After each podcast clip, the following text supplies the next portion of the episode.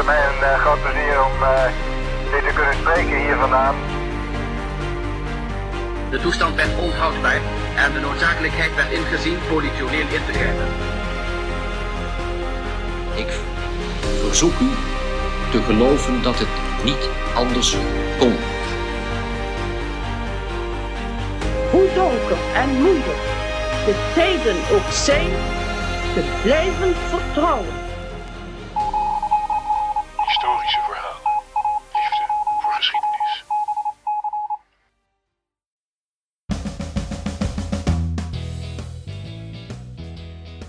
Welkom bij Historische Verhalen, de podcast. Deze keer lees ik het verhaal Metamorfose van mij, Kei. Mijn vorige verhaal was De Zeug van Falaise en daarvoor schreef ik nog veel meer verhalen voor verzamelbundels en de novelle De Vluchteling van Damascus. In Metamorfose schrijf ik over Julia, een Romeinse vrouw in het begin van de 5e eeuw na Christus. Ze verschuilt zich in haar huis in Rome voor de plunderende Visigoten, maar haar man is nog buiten. Durft ze de deur op slot te doen en naar haar schuilplaats te gaan? Of houdt ze de mogelijkheid van zijn terugkeer open en brengt ze zichzelf en haar kindje in gevaar? Metamorfose is een verhaal over angst voor het onbekende, hoop tegen beter weten in en de onvermijdelijke overmeestering van Daphne door Apollo. Luister mee. Rome, 24 augustus 410. Een hoorn blaast in de verte. Julia verstijft als een boomtak in de vrieskou. Automatisch legt ze haar hand beschermd op haar buik. De barbaren komen. Ze laat haar borduurwerk vallen op het marmer van het atrium en loopt naar de aanliggende tuin. Voorzichtig knielt ze bij de rhododendron en graaft met blote handen tussen de wortels, tot het gat diep genoeg is voor haar sieraden. Haar ring laat een rode striem achter. Een parel van haar ketting rolt weg en verdwijnt tussen de bladeren. Vlug schuift ze de aarde terug op zijn plaats. Haar trillende handen kloppen de grond vanzelf plat. Ze staat op en spitst haar oren. Een tweede keer klinkt de hoorn. Ze duwt zichzelf overeind, loopt van de tuin terug naar het atrium en pakt de deurketting die zij en Justus juist voor dit moment in huis hebben gehaald. Ze huivert van het koude ijzer van de ketting. In de verte wordt een derde toon abrupt afgebroken. Wie had gedacht dat de eeuwige stad zo dicht bij de eeuwige jachtvelden lag? Dat de moeder der naties ook een tombe kon worden? Julia voelt een rilling door haar rug gaan. Haar voeten zetten zich vast op het marmer als wortels in de grond. Toch dwingt ze zichzelf naar de deur. Ze moet zich beschermen, alles afsluiten, niemand binnenlaten. Ze rijgt de ketting door de metalen ringen op de deur en pakt de sleutel, maar haar hand blijft boven het slot zweven. Ze hadden het afgesproken. Eén teken van gevaar en ze zou zichzelf in veiligheid brengen.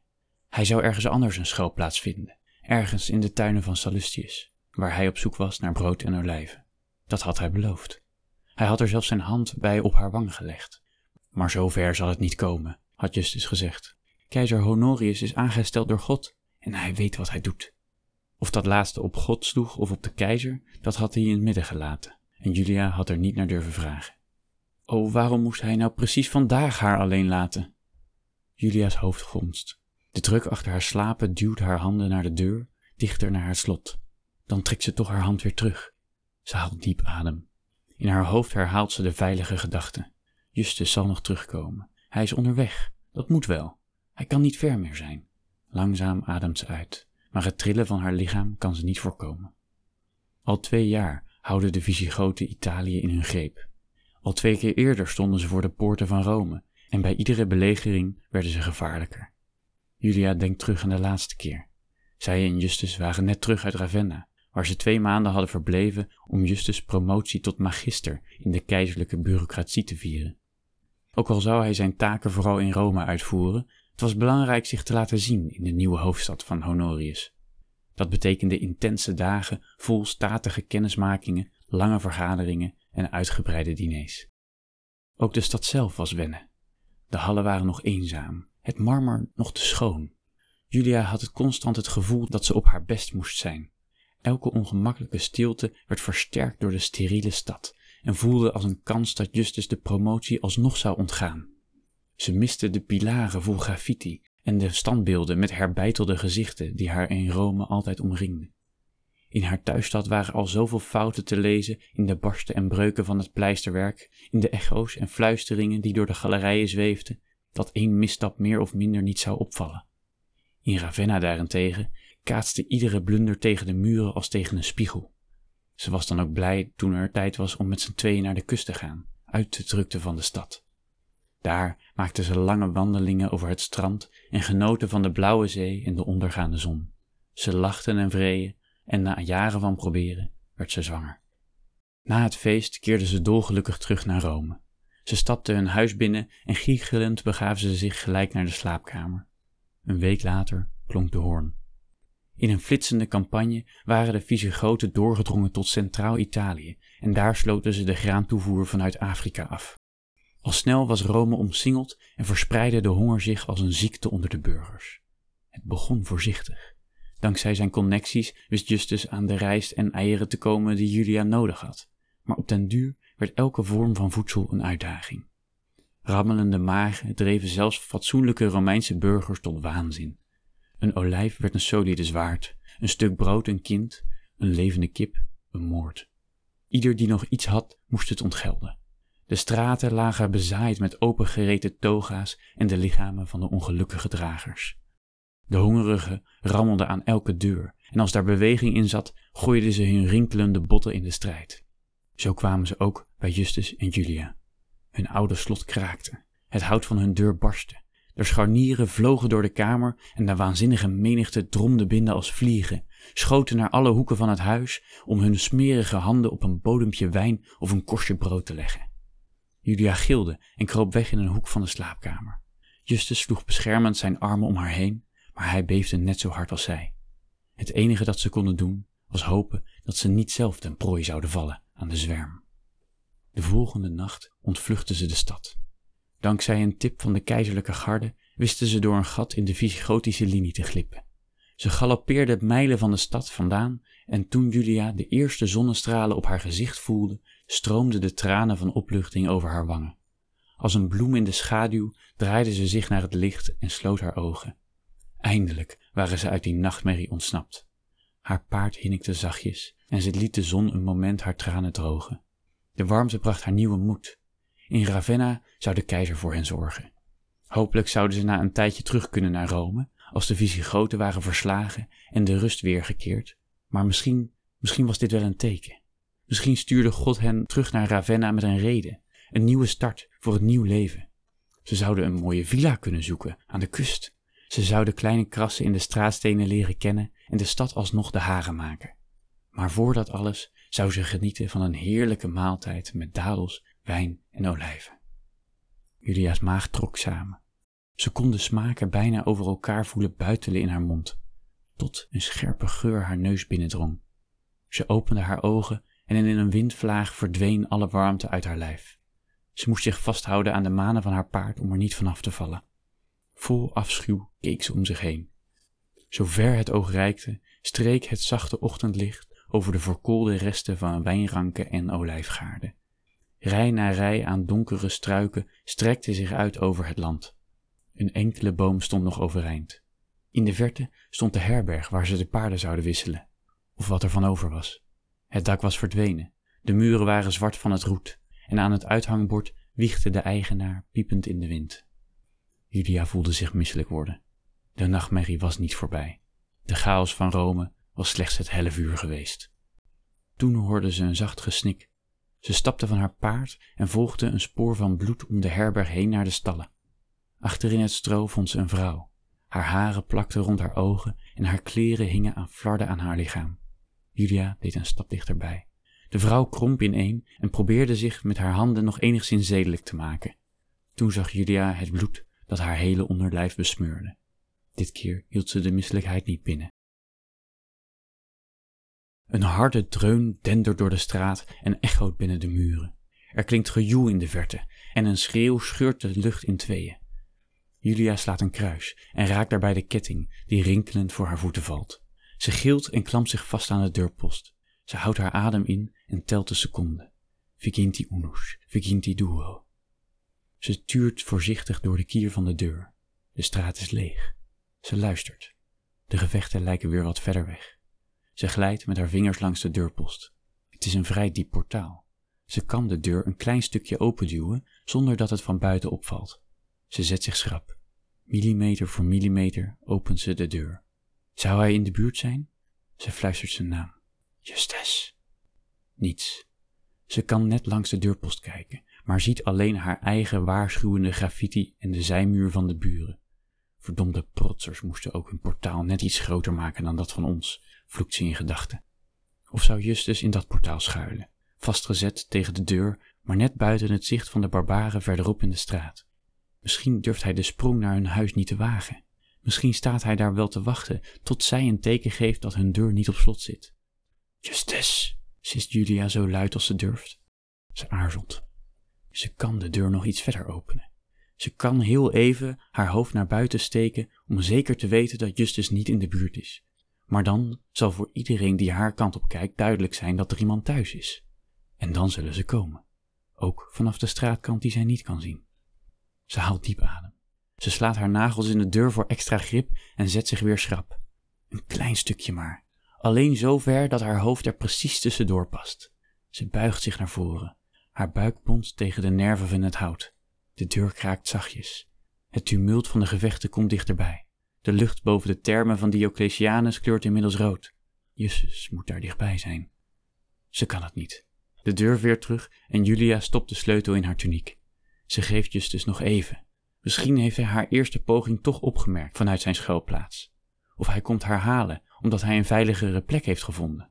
Ze loopt terug naar de tuin en verbergt zich, zoals ze hadden afgesproken.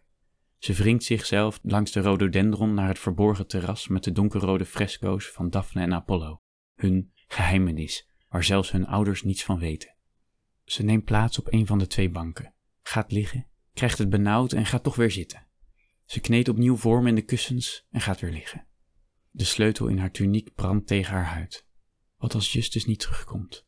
Wat als hij zich netjes schuilhoudt in de tuinen van Sallustius, erop rekent dat zij en hun kindje veilig zijn en zij ondertussen de deur open laat staan voor de eerste de beste barbaar die er tegenaan leunt? Ze voelt een tochtvlaag langs haar arm strijken vanuit het atrium. De haren op haar arm steken omhoog als de doornen van de rozenstruik in haar tuin. Ze hoort een piepend geluid.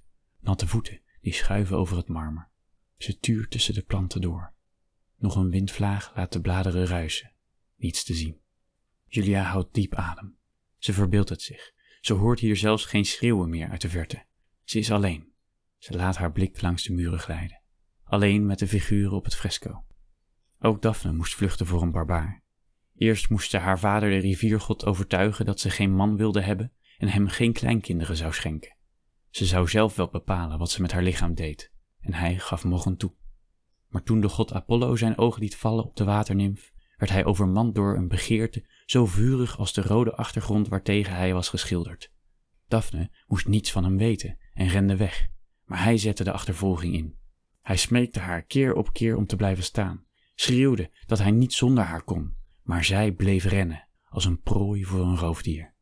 Telkens als hij haar bijna te pakken had, als zijn vingers zich uitstrekten en haar wapperende gewaad aanraakten, sprong ze net buiten zijn bereik.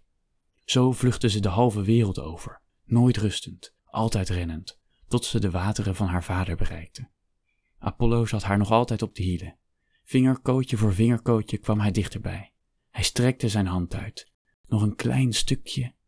Daphne schreeuwde om hulp en nog voordat de woorden haar lippen hadden verlaten, veranderde ze in een boom. Apollo greep mis. Hij zou haar nooit bezitten. Julia vangt Daphnes blik op het laatste fresco. Haar bovenlichaam is nog wit en naakt, maar haar onderlichaam is al een mengeling van bruin en groen.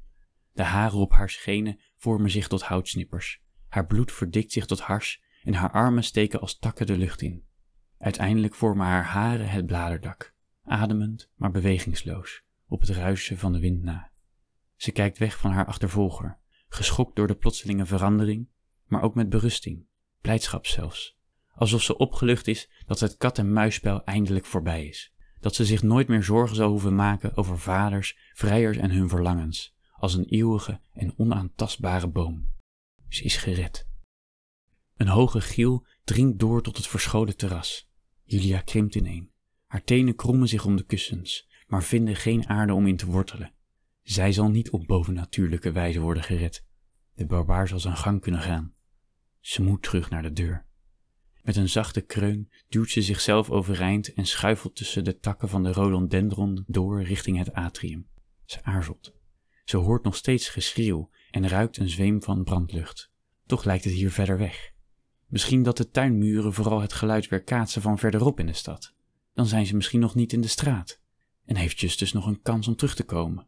Ze bijt op haar lip. Ze voelt een steek van protest in haar buik en verbijt de tranen. Nee, het is te laat. Hij is te laat. Ze kan niet langer wachten. Ze moet de deur echt gaan sluiten. Ze haalt de sleutel uit haar tuniek en steekt die in de grendel. Nu moet ze hem omdraaien, zichzelf in veiligheid brengen en de storm afwachten. Justus is slim. Hij heeft zeker een schuilplaats gevonden. In een verlaten tuinhuisje of daarbuiten, ergens tussen de dicht begroeide takken van een geranium of rozenstruik. Hij heeft zelfs extra eten weten te bemachtigen. En hij zit daar, neemt stiekem alvast een olijf uit zijn leren buidel, glimlacht bij de gedachte dat zij zal zien dat er één van het beloofde aantal mist. Hij wacht gewoon zijn kans af om naar haar toe te komen. Zodra het ergste voorbij is, komt hij terug. Het kan niet lang duren. Nog heel even sterk zijn. De tranen rollen over Julia's wangen. Maar wat als hij buiten staat? Ze kan de gedachte niet verdragen. Ze weigert de enige mogelijke verbinding tussen haar en Justus af te sluiten. Ze zou het zichzelf nooit vergeven als hem daardoor iets overkomt. Nog één keer zal ze kijken. Heel kort, heel snel. Ze duwt de deur weer een klein beetje open. Ze luistert. Niets dat dichtbij klinkt. Ze rekt haar nek uit. Meer dan een flintertje van de straat ziet ze niet. Ze haalt diep adem. Dan opent ze de deur. Bliksemsnel tuurt ze langs het portaal van de buren de straat af op zoek naar een glimp van Justus. Niets. Ze wil haar hoofd al terugtrekken, maar bedenkt zich en kijkt om de hoek van de deur. Ze schreeuwt. Midden op straat staat een man met ruige blonde haren en een snoer die zijn bovenlip aan het zicht onttrekt. Zijn leren panzer kleurt donker, zijn laarzen zijn vuil en in zijn hand rust een zwaard. Aan zijn voeten liggen een lichaam en een kleine buidel. Enkele olijven rollen over straat. Justus. De barbaar kijkt Julia aan. Een grijns trekt zijn gezicht scheef. Julia voelt zich duizelig. Enkele tellen staart ze naar de straat en de man. Ze kan niet inschatten hoe ver de barbaar van haar afstaat. Ze ziet niet of er nog anderen zijn. Ze ziet alleen zijn duivelse ogen, licht als ijskoude winterlucht. Een beweging van de barbaar doorbreekt het fresco. Julia rukt zich los en trekt de deur met een klap dicht. Ze struikelt over de ketting en valt achterover. Een scherpe pijn schiet door haar bekken, maar ze heeft geen tijd om daarbij stil te staan. Ze moet hier weg. Weg van de deur. Weg van de barbaar, het monster. Ze krabbelt overeind en rent naar de tuin. In haar haast vertrapt ze de takken en bladeren van de rhododendron. De takken krassen in haar huid, maar ze voelt het niet. Ze springt over de bank heen en maakt zich klein in een hoek van de ruimte. Ze slaat haar armen zo ver mogelijk om haar knieën heen en doet geen moeite om haar tranen te bedwingen. Wanhopig zoekt ze steun bij de stam van de transformerende Daphne. Ver weg klapt een deur tegen een verlaten deurpost. Julia heeft hem niet op slot gedaan. Ze staart tussen de bladeren door naar de plek waar de barbaar moet verschijnen. Ze ziet zijn koude ogen voor zich, de haat en de kilte, het hoopje bij zijn voeten. Was hij dood? Kon hij dood zijn? Ze zet haar nagels in haar arm om helder te blijven. Kleine druppeltjes bloed wellen op en verdwijnen tegen de rode achtergrond van het fresco. Zo zal mijn bloed straks in ieder geval niet opvallen, schiet het door haar heen. Geschraap van metaal over steen echoot tussen de tuinmuren. Koortsachtig zoekt Julia iets om zichzelf te verdedigen, maar ze vindt niks. Ze kruipt nog verder tegen de muur aan. Ze denkt aan de hongerige, die alles overhoop haalde voor een kruimel brood. En aan hoe hongerig Apollo was. Voetstappen echoen door de tuin. Elk moment kan hij tussen de bladeren verschijnen. Ze laat haar urine lopen. Een weeë geur verspreidt zich door de ruimte.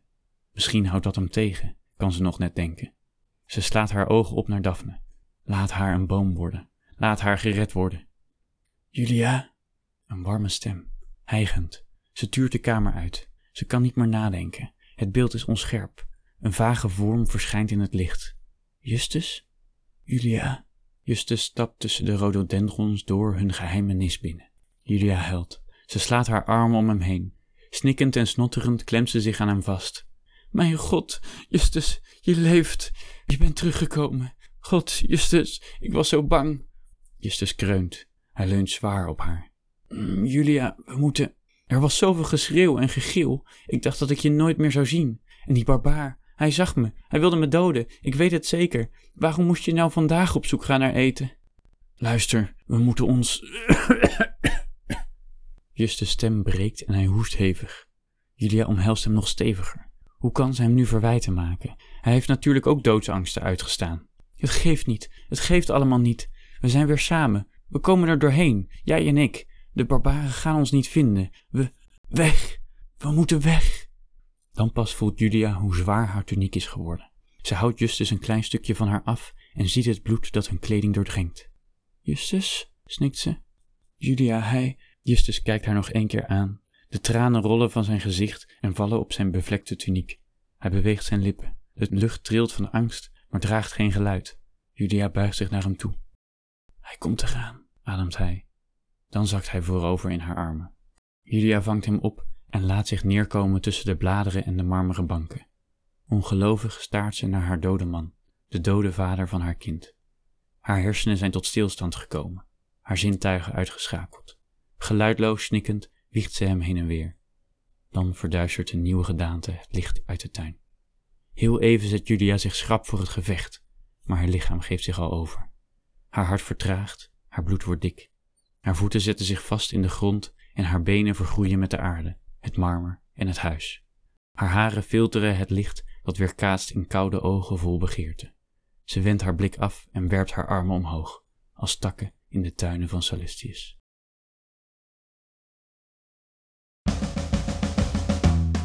Dit was Metamorfose van mij, Kei Tengeler. Luister ook naar het interview bij dit verhaal, waarin hoofdredacteur Rick mij bevraagt over de historische achtergrond van dit verhaal en het schrijfproces. Vond je dit een mooi verhaal? Beleger je vrienden en familie met deze vertelling of geef de podcast een mooie review. Ik dacht aan, als ik me moest verstoppen en elk geluid mijn dood zou kunnen betekenen, dan nog zou ik geen aflevering willen missen. Maar kijk maar even wat je doet. Vergeet historische verhalen ook niet te volgen op de socials en abonneer je natuurlijk op deze podcast. Tot de volgende keer.